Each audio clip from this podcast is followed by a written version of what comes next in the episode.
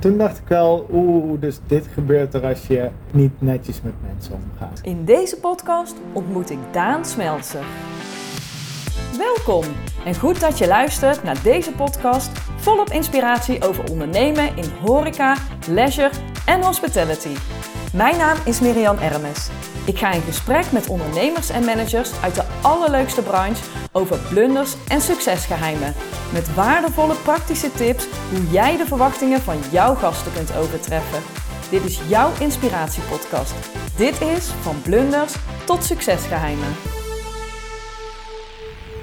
Daan, wat fijn dat ik hier mag zijn in Ja. jouw mooie zaak in Utrecht. Dankjewel, leuk dat je er bent. Ja, ik zie alleen nu nog niet heel veel gasten, maar eh, ik denk dat we niet kunnen wachten totdat het weer open is. Ja, inderdaad. Ik ben echt zo spuugzat. Ja, dat snap ik. Dus eh, ja, ik kan echt niet wachten tot we weer open zijn. Ja, Kun jij kort heel eventjes eh, vertellen wie je bent en wat je doet? ja hoi, ik ben Daan. Ik ben, ik ben eh, 40 jaar, woon in Utrecht. Drie kinderen. En ik zit al een tijdje in de horeca. Dus ik ben vroeger, heel vroeger begonnen in de afwas. En eh, dat vond ik zo leuk dat ik hotelschool ben gaan doen. En eh, Niet. ja, Oké. Nee, niet, niet de afwas. Maar eh, ik had stond in de afwas en daarna heb ik twee dagen meegedraaid in de bediening tijdens carnaval in Eindhoven nog. En toen is het wel ontstaan, ja, de liefde voor het vak. Uiteindelijk heb ik de hotelschool gedaan en mijn carrière ontwikkeld tot waar ik nu zit. Eigenaar van twee horecazaken, Stan Co en Fik, allebei in Utrecht. En jij zegt Stan Co eh, en Fik. Eh, kan je kort vertellen wat de zaken zijn? Wat voor soort zaken dat het zijn? De Stanneco is een grote zaak in het centrum van de stad. Die heb ik eh, als eh interim manager in het begin opgezet onder de vleugels van de buurt. Het eerste jaar liep zo goed dat ik hem maar ben gaan pachten. Oh. dus het liep dus helemaal niet goed het eerste jaar. Nee. Maar dat pachten, dat is wel een gouden zet geweest. Ja, wat is het? Eh, het is een, grote zaak in de stad. Een bar, restaurant. Koken veel op een Jospergil. eh cocktail, speciaal bier, veel wijn, lekkere vibes. Ehm, dus dat is denk ik in een notendop Stan Co. En Fik is een food and gym bar. Dus dat is een kleine sportschool met eh, kleine groepslessen en gezonde horeca erbij. En die zijn we op dit moment aan het ombouwen tot, eh, tot een iets toegankelijkere horeca, iets minder niche. Maar wel die toffe sport erbij. Mooi. Ja. Tof. Thanks. Eh, Daan, het is nu 2026. Ja, Hoe kijk jij terug op de afgelopen vijf jaar? ja wat vliegt de tijd hè? Ja, dat sowieso. Ja, afgelopen vijf jaar. Ja, ik heb, ik heb, ehm, ik, ik heb altijd gezegd ik wil geen horeca-ondernemer worden. En, ehm, want de horeca-ondernemer vond ik altijd een beetje zo'n zo'n dikke, stoffige oude man die dan zijn, zijn einde van zijn carrière alleen eindigt met een biertje in zijn hand. Een beetje, eh, eh, dat was altijd een beetje het idee dat ik had van, eh, van een horeca-ondernemer. er zijn ook honderdduizenden voorbeelden toen nog tijd ook al van dat het heel anders kon. Maar ik benijdde nooit zo. En ehm, eh, voor mij is het toen zo, zo eigenlijk gelopen dat ik ineens de kans kreeg om hier toch voor mezelf te beginnen, om te gaan ondernemen. Mhm. Dat heeft wel eh, wat aangewakkerd, ja. Ik vind het heerlijk om, eh, om te doen wat je, wat je wil, ideeën die je hebt, gewoon zelf de uitvoering te kunnen brengen en daar zelf dan ook de vruchten van te plukken en soms ook niet. Ehm, ik, ik hoop dat ik over vijf jaar terugkijk en denk dat ik er eh, en, en, en denk dat ik er alles heb uitgehaald wat erin zat. Ondanks de coronacrisis en misschien ook wel dankzij de coronacrisis. Ja, want we zitten daar natuurlijk nu middenin, midden Ja. in die coronacrisis. Ehm, hoe zie jij dan nu de komende jaren, eh, eigenlijk nu op korte termijn, wat er gaat veranderen? Ja, ik vind dit wel, het voelt echt als een reset. En eh, letterlijk en figuurlijk. Bij, bij Stan gaan we dadelijk weer min of meer door op de voet waar we mee eh, geëindigd zijn. Nieuwe menukaart, een paar tweaks om weer aan een nieuwe eh, vraag te kunnen voldoen van de gasten. Maar bij Fix zijn we echt aan het resetten. Dus we hebben echt die zaak onder de loep genomen. Oké, er zijn daar zoveel kansen die opkomen. De opkomst van black kitchens, het, het halen en bezorgen van eten. Ehm, ook wel de gezonde levensstijl, denk ik. Ik denk dat heel veel trends die het laatste tijd al een beetje in ontwikkeling waren, echt de stroomversnelling eh, eh, gaan krijgen. Eh, ik denk op lange termijn de, de, de alcoholconsumptie achteruit gaat. Ja. Opkomst van vegetarisch eten, gezond eten, dat soort dingen. Merk je dat hier bij Stan Co. of vooral bij Fig? Of... Hier merken we dat meer in de mainstream. Kijk, we kunnen hier bij Stan Co. de meest gekke ideeën bedenken en de vetste cocktails en de mooiste gerechten uit de Jospergeel laten komen. Maar het meest verkochte broodje is toch nog steeds broodje kroket. Oh, echt? en de krok. Dus bij, bij, bij hier is het echt een 80-20. Bij Stan Co. is het gewoon 80% commercieel mainstream. En Ja. 20% dat die gaat mee in die niche die wij heel tof vinden om te doen. Die eet die krekelburger. Of eh, die bestelt die toffe cocktail of dat speciaal bier. Toch merk je hier ook wel de opkomst van, van alcoholvrij. En, en dat het, we hebben een paar gerechten die echt aan alle allergenen voldoen. Dus die vegan zijn, die ook eh, glutenvrij, lactosevrij. Die, iedereen kan die eten. En je merkt wel een opkomst van, van die gerechten. Mhm. Ja, maar bij Fik is natuurlijk veel meer, zit je echt in een, in een, in een wijk. Het is een veel kleinere zaak waar je veel harder je vinger hebt op je product en de gasten die binnenkomen. Oké. Uh, Stan en zijn meer met hun lichaam bezig misschien? Of merk je dat dan meer Ja, niet in het eten ja. en drinken? Jawel, alleen we willen daar juist een beetje vanaf van die balans. Omdat de mensen die echt op zo sportminded zijn en daar ook zijn voeding op aanpassen, dat zijn niet zoveel mensen. En we moeten wel gewoon de huur van die zaak betalen. Dus het wordt wat commerciëler en wat meer op de wijk en mensen hier wonen, maar ook gebruik maken van die wijk. Dus zeker de sportscholen die ernaast zitten, die, die, die gasten willen we ook hebben. Mhm. Alleen niet meer alleen zij. En niet meer alleen maar omdat wij een, eh, een eiwitrijke lunchbol hebben. Nee, je moet precies. gewoon omdat het daar tof is om te zijn. Ja. En ontspannen. ja, want als ik dan even doorga naar jouw gasten. Van welke gasten word jij echt blij? Ja, ik word het meest blij van gasten die bij Stan Co echt komen om het concept dat we gebouwd hebben. En die daar vol van profiteren. Wat bedoel je daar dan mee precies? Wat is dan echt het concept? Ja, ik word eigenlijk dus gewoon het minst blij van mensen die op zaterdagmiddag binnenkomen voor, voor die boterhammen met kroket. Dat, die heb je nodig en dat zijn leuke mensen en daar zijn we hartstikke aardig tegen. Maar dat zijn niet de mensen die mij vullen met energie. Gewoon, je, hebt, je hebt gewoon gasten die komen binnen en die brengen een bepaalde energie mee in die zaak. En dan weet je, ah leuk, zij zijn er weer. Op vrijdagavond staat er hier 300 man te borrelen. Maar je, je hebt gewoon clubjes die hier regelmatig komen, die als je weet, zij zijn er, ah yes, dan wordt het weer een leuke avond. Ja, en dan heb je die vibe en... eh, Die brengen die vibe en die, en die bestellen ook die, die cocktails en die speciaalbieren die wij tof vinden. En niet alleen maar omdat dan een cocktail heel duur is, dat ik daar heel blij van word. Maar gewoon omdat zij zijn degene die begrijpen wat wij qua zaak willen en snappen. En zij zijn dan ook degene die dat, die dat voeden en de rest van de zaak daar een soort van in meenemen. Eh, dus je hebt eigenlijk een soort influencers gasten, kun je Ja, dat zo zeggen? En dan zeker op de vrijdag en de zaterdagavond zijn, zijn dat wel de mensen die het meest opvallend zijn. Maar dat zijn eigenlijk de gasten waar jij je concept voor hebt ontwikkeld. Die Ja. gasten waar jij, Ja. als jij dus een nieuwe ontwikkeling doet, dan hou je die gasten in je achterhoofd van waar zullen zij blij van worden. Ja, Dat eh, proef ik Ja. hieruit tenminste. Ja. ja, ja, maar we houden de onderlaag, om het even plat te zeggen, dus de, die houden we wel dus gewoon. En dat is dan het colaatje, het kopje, kopje koffie, pilsje, dat soort dingen die blijven, die blijven, want dat is 80% van de handel die je doet. Ja. Maar die andere 20% inderdaad kijken we echt naar waar zijn die mensen die, eh, waar zijn die naar op zoek. Ja. Ja. En wat gun jij dan die allerleukste gast van jou?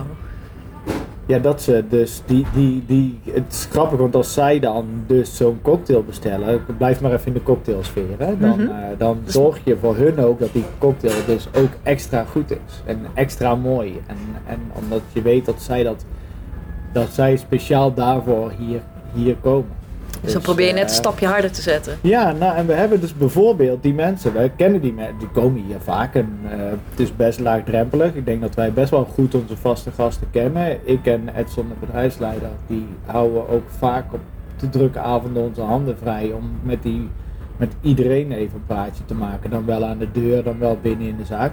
Maar die mensen natuurlijk in het bijzonder. Hm. Dus we hebben ook telefoonnummers van die mensen. En we volgen ze ook terug op Instagram.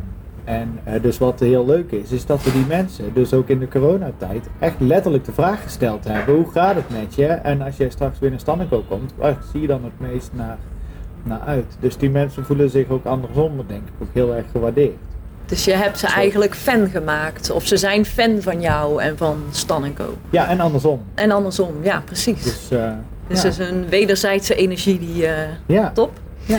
En ehm, hebben ze jou kunnen helpen met eh, de vraag die je eh, aan zat? Ja, ik denk het wel. Ja. Ja, en er gaan gewoon best wel wat dingetjes veranderen. En ik wilde daar onderzoek naar doen. Ja, Hoe, wat hebben mensen nou afgelopen jaar gedaan? Mensen hebben echt niet stilgezeten. Die hebben zich echt sneller ontwikkeld dan ooit. En wat ik toen straks zei, ik denk dat er heel veel, eh, heel veel trends die al jaren een beetje opkomend zijn, dat die Mhm. nu echt gaan versnellen. Ik denk echt dat mensen thuis wel meer zijn gaan koken zonder vlees bijvoorbeeld. Of wat creatiever zijn gaan koken. hè. Of, of zich juist in de coronacrisis zoveel gedronken hebben dat ze dadelijk, als het leven weer normaal is, zeggen... eh, ik eh, drink weer eventjes niet of minder. Of, eh, en dan kunnen ze bij jou ook eh, goede alcoholvrije cocktails of... Ja. eh, Ja. Ja. Maar we hebben ze ook gevraagd, wat doe je voor, voor, voor werk? Werk je meer thuis of werk je meer, ehm, en blijf je buiten de deur werken? En als je dan meer thuis werkt, heb je dan door de week ook meer tijd om bijvoorbeeld naar Stanneco te komen? mhm. Of naar Fik? Of naar, ja. En wat is de grootste verandering die je gaat doorvoeren naar aanleiding van de vragen die je aan je gast hebt gesteld? ja, bij Fik gaan we daar het eh, complete concept op aanpassen. Eh, we hadden daar een eh, sportzaal van eh 40 vierkante meter. Die hebben we uitgebouwd naar 75. Zo. Dus het is bijna twee keer zo groot geworden. Dus we hadden 180 vierkante meter horecaruimte. We houden er nog 120 van over. Van, van 40 vierkante meter bar. Die is echt mega groot. Vergeleken met de rest van de zaak. Alleen daarmee hebben we gezegd, we gaan niet meer alleen maar richten op de horecazaak. Want die, de trend is zo veranderd. Mensen zijn zo gewend nu ook om eten te bestellen en af te halen. En ehm, dat soort dingen. Dat, dat we eh, ons heel erg daar gaan richten. Ook op, op het afhalen, bezorgen. En het ontzorgen van mensen als horecazaak. Oké, Ja, en die die heeft ook meer een wijkfunctie. Dus ik kan me voorstellen dat dat ook meer in de, ook een retail samenwerking wordt. eh à la start bijvoorbeeld. Om te zorgen dat mensen het wel komen halen. Dat je dan makkelijk veel bijverkoop hebt. Om mensen Mhm. te triggeren om te komen. Maar ja, dat bezorgen, dat, dat blijft wel een dingetje. ja dus precies. ja, we hebben daar het hele concept op uh, omgegooid. Zo, dus je hebt Ja. eigenlijk gewoon eh, jouw allerleukste gasten betrokken bij de ontwikkeling van jouw nieuwe, Ja, ja, van het nieuwe FIC eigenlijk. ja, Tof. En ja. dus dat zien ze later ook terug. Maar worden ze daar nu ook in meegenomen in de ontwikkeling daar naartoe? Ehm, nou, nee. Het is niet dat ik dagelijks met ze ga bellen. Nee, maar ik bedoel delen op social media. Ja, ja, oh ja op die of, manier. Ja, ja, ja. eh, Ja, ja. ja de, de ontwikkeling van Fik is wel te volgen op social media. Ja, Ja, ja en bij Stan Co zijn we nu dus, en dat weten zij als het goed is, dan, eh, dan ook via social. Dat we nu ook aan het experimenteren zijn bij Stan Co. Bijvoorbeeld met de nieuwe kaart. Maar dan bieden we de nieuwe lunchbroodjes to go aan. Ja. die mensen die nu door de stad lopen, die lopen straks in doorsnee ook door de stad. Dus als zij het lekker vinden, nou, dan weten we dat we wel goed zitten met de, met de broodjes. En zitten, zijn er grote verschillen tussen jouw eh, gasten die bij FIG komen en eh, die bij Stannico komen? Zijn het echt andere gasten? Ja, het zijn echt andere gasten. Ah, nou, qua leeftijd eh, is het wel hetzelfde, maar ze komen zeker met een ander doel. Want bij Fik komen ze dus echt een wijkrestaurant, dus daar komen ze veel meer om te ontspannen, omdat ze juist niet de stad in willen. Ja. Dus daar zoeken ze veel meer het comfort van een wijkrestaurant, van binding met personeel, eh, binding met andere gasten. Dus het is Mhm. echt een beetje de nieuwe buurtkroeg, eh, denk ik. Oké. En, eh, en bij Stannico kom je omdat je enerzijds omdat je aan het winkelen bent en omdat je honger hebt. Of, en, en we hebben bij Stannico natuurlijk ook veel meer toeristen. Ja. Bij Fik hebben we zelden toeristen. Oh ja, tuurlijk. En heb jij een voorbeeld waarbij jij eh, jouw gasten, of een van jouw gasten, waarbij je echt de verwachting hebt overtroffen? Bij Stan? Hm, Bij maakt niet uit. Bij- maakt niet Mag uit. allebei. Nou, eh, ik vond het wel echt een leuk verhaal, want ik ga het al wat verder terug. Ik heb, ben toen bedrijfsleider geweest bij Olivier. En dat is een Oh, Belgisch ja? biercafé. Mhm. Die hebben we in het begin opgezet en toen kwam daar een oud stel binnen en die wilde twee rode port. En toen zeiden we, ja, je bent in een biercafé, dus eh, ik heb nog wel een lekker biertje voor je. Ik heb nog nooit bier gedronken, ik lust helemaal geen bier. Dus ik wedde van wel, want lust geen bier bestaat niet. Dus toen eh, hebben we een biertje voor ze gepakt en dat was een, eh, een eh, god, ik weet het niet, de Chester Bourgogne volgens mij. En daar zaten heel erg die tinten in van, van rode port. En toen kwamen ze daarna, elke keer kwamen ze weer terug. Dus om dan dat biertje te Oh, drinken. echt? Want bij ons hadden ze leren bier, Bier drinken, drinken. en leren bier waarderen. En dat vond ik wel echt een hartstikke leuk moment, ja. Omdat die mensen Ja. echt zo blij waren en zo iets kregen waar ze niet naar vroegen, maar daar heel blij van werden. En dus elke keer terugkwamen. Ik heb een vergelijkbaar verhaal. Ik had Ja? ook, ja, ik, eh, ik lust ook geen bier, hou ik helemaal niet van. Maar ik was bij de Hertog Jan Brouwerij in eh, Zuid-Limburg. Ik weet niet meer precies welke plaats dat die. En eh, toen zei die man ook van, ik weet zeker dat je bier lust. En toen had hij een donker biertje, port erin. En ja, ja dat vond ik lekker. Dat Ja. klopt. Oh, tof. hè? Maar Ja. die gasten waren helemaal blij. En Ja. ze, nou, tof. Superleuk. Ja. En je bent nu zeven jaar ondernemer. En eh, daarvoor werkte je voor eh, de buurt. Waar ben je eigenlijk het meest trots op in de tijd dat je ondernemer bent? Toen ik hier als intermanager bij in Stanneco werkte, toen was het echt een vette zaak. Maar hij liep gewoon moeilijk. En ehm, of het dan komt omdat er een grote paraplu boven hangt van een groot bedrijf als de buurt. Dat je log bent in beslissingen die je neemt. Of dat je te bij de hand wil zijn naar je gasten toe. Maar je houdt bij een grote organisatie toch een bepaalde afstand naar je, naar je toe. En ehm, nou, toen ik op een gegeven moment te sprake was dat ik dit ging wachten, toen was die, toen ik hem overnam, zeg maar, de onderneming overnam. Dus de zaak is niet van mij, maar het ondernemen van die zaak doe ik zelf. En toen eh, kon ik eh, ineens zelf mijn beslissingen maken en zelf mijn personeel aannemen. En mijn eigen mensen maar in mijn, vanuit mijn eigen comfortzone gaan werken. En toen heb ik mezelf een half jaar de kans gegeven om die zaak op poten te zetten, om hem succesvol te maken. En dat is toen eigenlijk al binnen vier maanden gelukt. Zo, En- tof. En dat was echt knijterhard beuken met iedereen die, eh, die je kan. Dus mensen waar ik vroeger goed mee gewerkt had, bellen, je moet me helpen. Mhm. Je moet me even helpen, want eh, eh, er moet hier echt hard gerammeld worden aan die zaak. Want er, er komt een hoop eh vuil bovendrijven op het moment dat je een zaak overneemt. En er Ja. was stiekem al best wel wel wat aan de hand, zelfs ondanks die, dat die zaak negen maanden oud was. En toen hebben we eigenlijk vrij snel hebben we hem dus toch weer helemaal op poten gekregen. En weet je dan ook En- echt wat dat is geweest? Aan welke Ja. knop je hebt gedraaid? Of? Ja, ik denk gewoon door, door goed te luisteren naar mensen die binnenkomen en één keuze te maken en daar dan ook aan vast te blijven houden. En dat in een goede mix tussen, eh, tussen vernieuwende producten en vernieuwende ideeën en dat soort dingen, maar ook wel een, een, een standaard goed product wat, wat meer mainstream is. Voor als je met iemand binnenkomt die daar helemaal niet van houdt en nu helemaal niet op een krekelburger zit te wachten, dan hebben we ook gewoon een normale Ja. gerechten. Ja. En, ehm, dus we hebben in het begin ook wel heel duidelijk gezegd van ehm, we zijn er niet voor iedereen. Niet iedereen vindt ons leuk.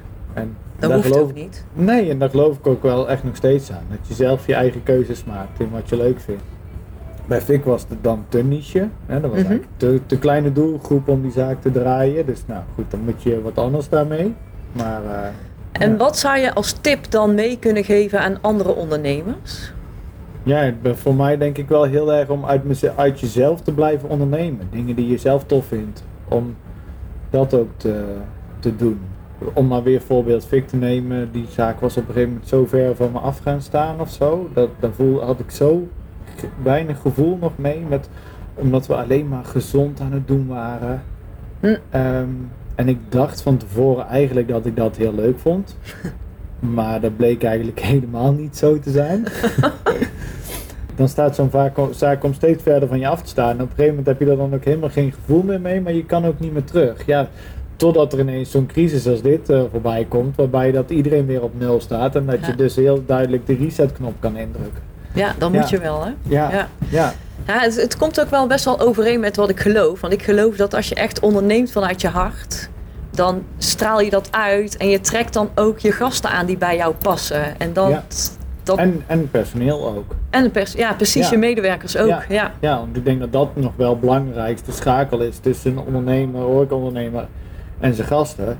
Is dat ik kan wel een heel tof idee hebben, Ja. maar als zij het niet uitvoeren, dus het DNA van die zaak moet ook heel erg kloppen in wat je zelf vindt, in wat je eigen overtuiging is. En als ik het heel tof vind om een bepaald product eh, op de kaart te hebben, maar die keukenjongens maken het net niet zoals ik wil. Ja, dan mis je gewoon volledig het gevoel met dat, met dat product. En wat heb je dan gedaan om ervoor te zorgen dat jouw mensen eh, sowieso bij je passen, maar ook doen wat je van ze verwacht?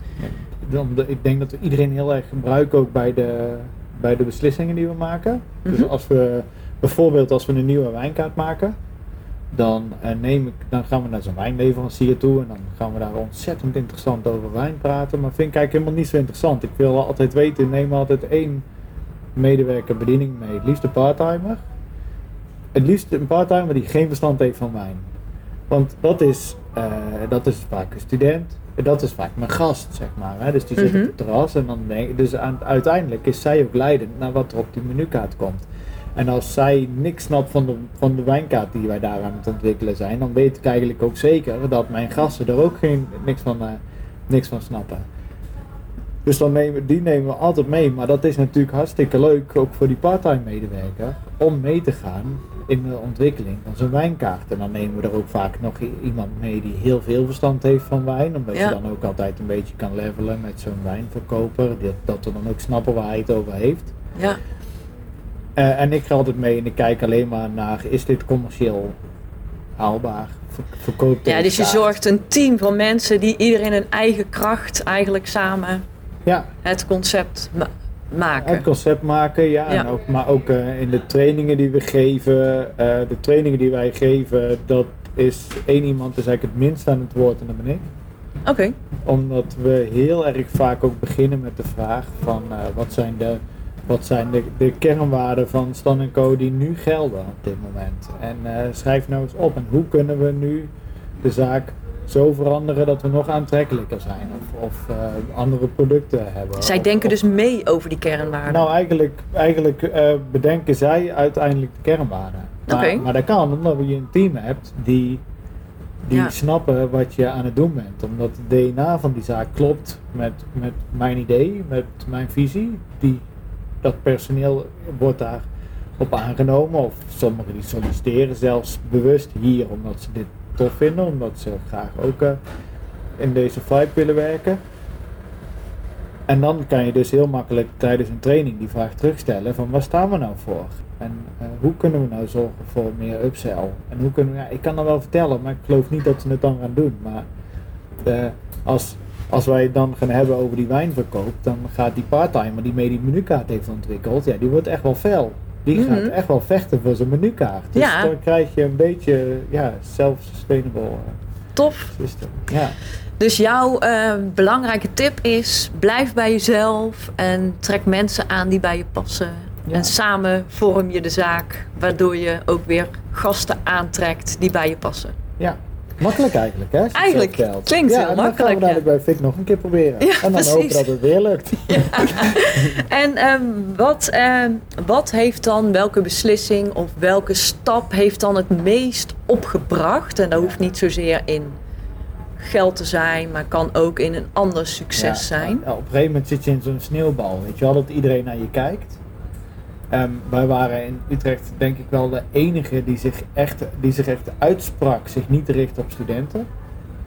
Ehm, zeven jaar geleden, is echt lang geleden, hè? dat is echt nog tijd, de, hè, je oma Mhm. dronk nog gin tonic.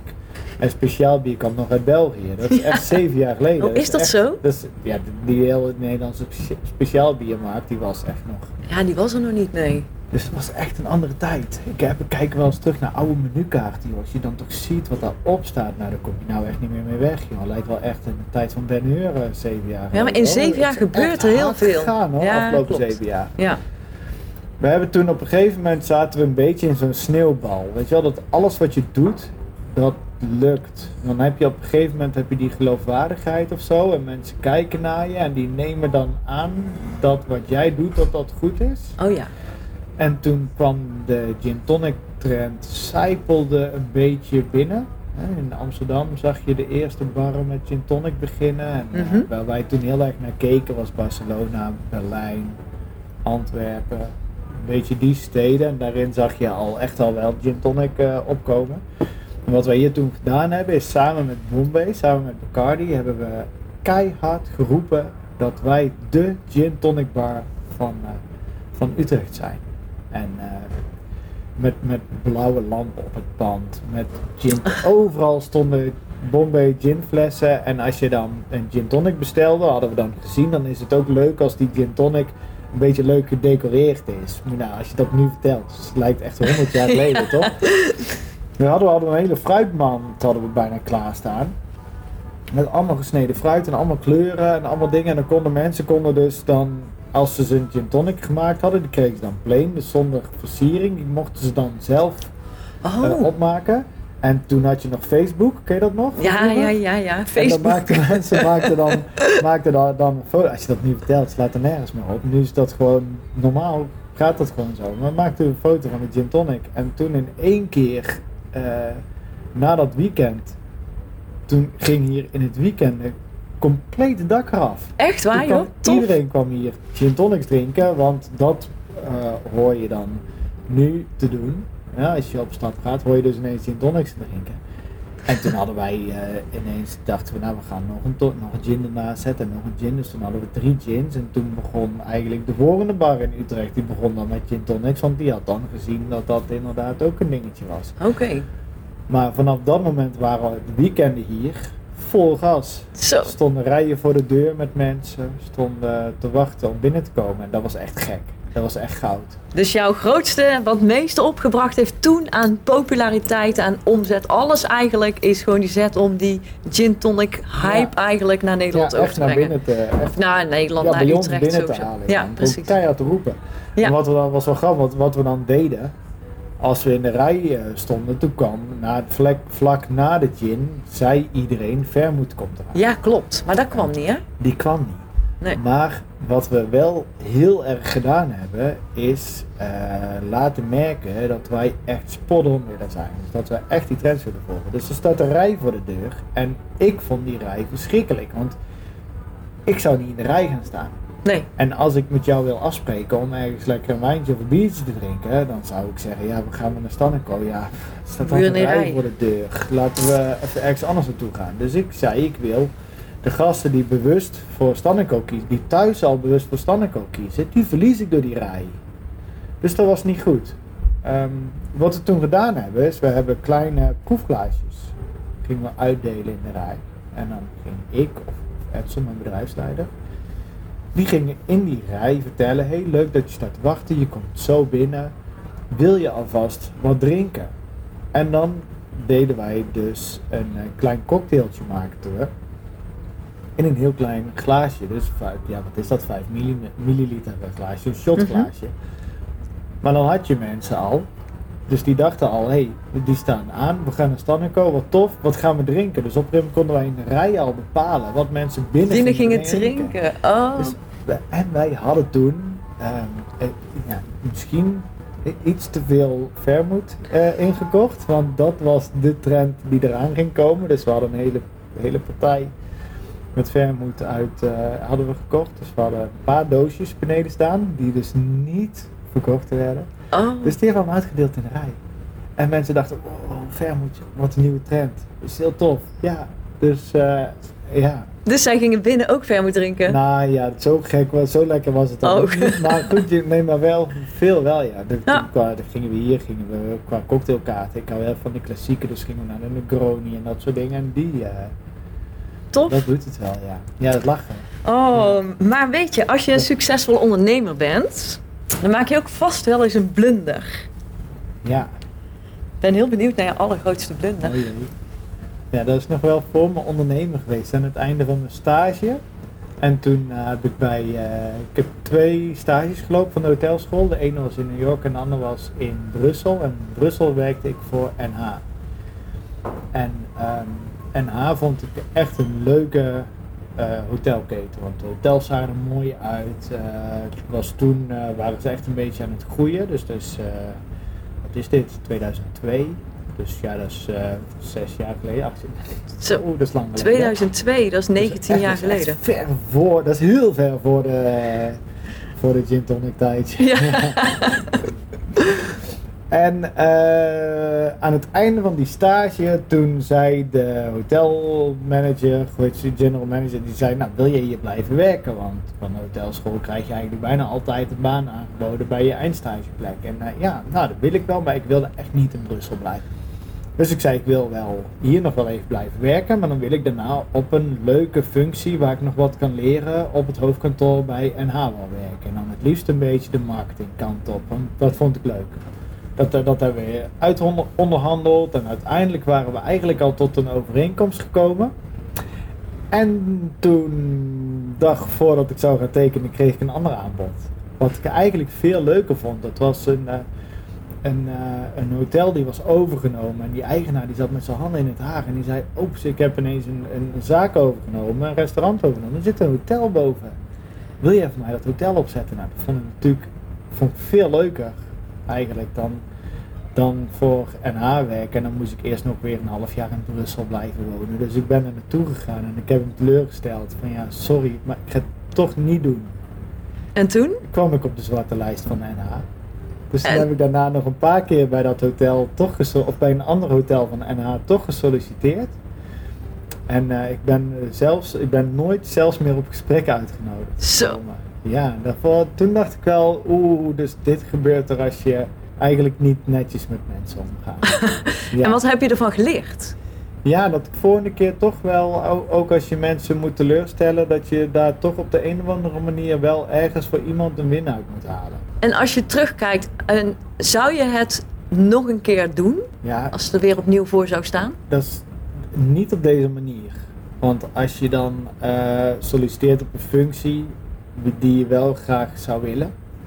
En je wordt niet eens uitgenodigd.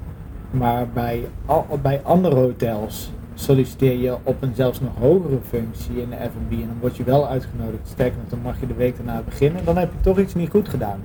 Dus ik zou die jongens nooit meer zo hebben laten hangen. Want ze hebben me natuurlijk ook in mijn stage wel veel geleerd. En um, dat ik op die manier met dat gesprek om ben gegaan, dat... Uh, zou je het er niet meer doen? Nee, dat zou ik nooit meer zo doen. Maar heeft het je wel wat gebracht uiteindelijk? Die blunder? Ja? Nee, dat kan ik wel zeggen. Nee. nee. dus je zou hem nooit meer doen? Ja, in ieder geval nou, niet op die manier? Ik weet nu dat, dat, hè, dat, dat, ik, ik denk er wel op terug, dat ook als je iemand moet afwijzen of ook als je... Um, nu bijvoorbeeld ook als je een sollicitatiegesprek hebt met een, personeels, met een potentieel personeelslid en die wordt het niet, dat ik denk ik moet diegene niet bellen en zeggen sorry, je bent het niet geworden. Dus wat ik nu vaak doe is als iemand het niet wordt, hé hey, je bent het niet geworden, want daar en daar en daarom, maar wat zou je willen? Misschien kan ik je ook nog wel ergens anders voorstellen of kan ik je kan ik dit voor je betekenen? Of geef ze een tip mee. Misschien kan je beter even, ja, je solliciteert als leidinggevende, maar je hebt eigenlijk nog te weinig ervaring. Ga eens bij een paar verschillende bedrijven werken. Ja. En kom dan nog eens terug. Dat je, ja, ik denk. Dus je hebt er zeker wel wat van ja, geleerd. Ik heb er wel van wat de... van geleerd. Ja, precies. dus hij is niet voor niks gemaakt. Nee, nee. Nee. nee. nee. Gelukkig. Ja. heb jij een um, advies aan de luisteraar? Als ik voor mezelf een advies zou moeten hebben dan, en hoop ik dat de luisteraar dat ook leuk vindt, is dat ik uh, gewoon wil blijven doen waar ik de meeste energie van krijg. Probeer mezelf ook constant te triggeren om uh, met, met plezier naar mijn werk te blijven gaan. Ja. En, um, dat vind ik het allerbelangrijkste. En op het moment dat ik niet met plezier naar mijn werk ga, dan denk ik ook dat ik gewoon ook uh, dat ik mijn werk moet veranderen. Ja, precies. Ja. Dus of wat ik doe. Want ja. Als je met plezier naar je werk gaat, dan ben je ook het meest succesvol. En dan, uh... Ja, dan haal je ook het beste in jezelf naar boven. En ik merk dat bij mezelf natuurlijk toen in, in FIC, wat in 2019 is geopend, maar die zaak die ging steeds verder van me afstaan. Ja. In tegenstelling tot Stan Co, waar je echt heel erg bovenop zit en heel erg jouw ding is. Um, ja, dan merk je op een moment dat je denkt, zal ik nog naar Fik gaan? Nee, je denkt, nou zal ik het vandaag even niet doen. Ja. En dat is gewoon niet lekker, dat voelt niet fijn. Nee. Dus eh, ja, dus ik wil echt bij mezelf blijven. Want ik, eh, Tof. wat- En eh, wie is je allergrootste voorbeeld? Ehm, ik vind er zijn best wel wat, wat mensen waar je op de een of andere manier tegenop kijkt of je aan, aan optrekt of zo. Ehm, nu dat we bezig zijn met de ontwikkeling van eh, kijk ik, eh, eh, volg ik ineens eh, een persoon als Ron Simpson ineens veel meer. Eh, maar als we hier bezig zijn met de ontwikkeling van de menukaart, kijk je weer heel erg naar andere mensen. Ja. Of naar, eh, dus wat, wat we, ja, het ligt er een beetje wat over gaat. Het zijn wel personen die ik echt, die ik echt tof vind om te, om te volgen. Eh, en die zijn eigenlijk, zo grappig, zijn bijna allemaal sportgerelateerd. Dus dat is echt Oh. een Michael Jordan of een Muhammad Ali of eh, Oké. dat soort gasten. Krijg je daar eh, gewoon persoonlijke inspiratie van? Of die vind je gewoon, daar krijg je zelf gewoon een energie van? Of is het ook om dat weer door te vertalen in je werk? Ja, omdat ik heel veel wel vanuit sport doorvertaal naar mijn werk. Omdat ik merk dat in de sport iedereen gelijk is. Dus als ik met keukenjongens, eh, als een keukenjongen niet goed presteert, dan kan je wel een heel, je moet beter je best doen. Maar als je het dan naar het voetbal trekt, van hé, hey, wat gebeurt er nou als iemand in jouw team Ja. eh, een bal verspeelt? Ja, Hè. Ga je dan mee verdedigen? Of ga je lopen roepen wat er toen, eh, hè, waar win je dan de wedstrijd mee? En met sporters vind ik het gaaf, want sporters die moeten intrinsiek echt gemotiveerd zijn om de allerbeste prestatie te leveren. Dus die laten daar alles voor liggen om die ene prestatie te leveren. Alleen daar is het niet. Je, moet, je, hebt, je begint ook wel met een bepaald talent dat je moet hebben. Als je gewoon geen balgevoel hebt van jongs af aan, dan word je nooit de beste basketballer van de wereld. Nee. Dus daar is een, ik vind topsport en topsporters echt een mooie mix tussen kunnen en willen. Ja, dus Ja. je hebt zeg maar niet één voorbeeld, maar doordat je echt kijkt naar hoe gaat het in de sport en dat weer doorvertaalt, dan... ja, dat vind ik wel. Ja. Dat ja, vind ik ook mooi, ja. Ja. Super. Ja. Nou, ten slotte heb ik nog ehm, een aantal stellingen voor je. Oh jee. Nooit meer koken of nooit meer uit eten? Oeh, jeetje. Nooit meer uit eten, denk ik. Oké. Nee, nooit meer, nee, nooit meer uit eten. Nooit meer uit eten? Mag ik wel nog uitdrinken? Het staat er niet. Dus ja, ja, dan, eh, dan nooit meer uit eten. Oké. Voor of na corona? Nou, On- of offline ontmoetingen? Eh, voor Clubhouse had ik gezegd offline. Maar door Clubhouse? Nee, ik vind Clubhouse te gek. Maar er blij, gaat toch niks boven gewoon koffie drinken met iemand. Oké. Ja. Instagram of Clubhouse? Clubhouse. Vlees of vega? Vega. Starbucks of Douwe Egberts? Thee. Wel een ander koffiemerk? nee, sowieso geen Starbucks. Nee, nee, nee, nee. Douwe Egberts, nee, Douwe is een geintje. Douwe Egberts is, eh, is, is goed. Ik, ja, zeker. Oké. Een iPad of een menukaart? Een menukaart. Netflix of Chefflix? Cheflix. Een ochtendmens of Ja, avondmens? trouwens, Netflix of Cheflix. Ik kijk op Netflix eigenlijk alleen maar Chef's Table, Street Food, dat soort dingen. Kijk je Dus al naar Chefflix? Nee, Cheflix nog niet. Nee, nee, ik ook nog niet. Nee. Nee. Maar je kijkt wel chefs. omdat ik als ik tv kijk, dan zit ik naast iemand. En die vindt niks aan, aan al die kookprogramma's en al die eetprogramma's. Oh ja. Dus als ik dan een keer, eindelijk een keer sporadisch een avondje thuis ben, dan ga ik vaak streetfood kijken of Ja. eh, dat soort dingen. Ik ook. Ja, echt.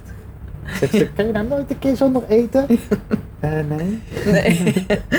en een ochtendmens of avondmens? Ehm, dat is wel veranderd. Ik was echt een avondmens. Ik vind het tegenwoordig ook lekker om echt, maar dat komt ook door die kinderen denk ik, om op tijd op te staan. Mooi. Nou, Ja, dankjewel Daan thanks. voor eh, dit mooie gesprek. Ja, dankjewel. Bedankt voor het luisteren naar deze podcast. Ben je geïnspireerd en vind je het een waardevolle podcast? Deel deze dan op je social media kanalen en vergeet mij niet te taggen. Ben je ook zo nieuwsgierig naar de volgende aflevering en wil je niets missen? Abonneer je dan op deze podcast. Wil je meer informatie over horeca, leisure en hospitality? Ga naar mirianermes.nl en volg me op LinkedIn, Instagram en Clubhouse.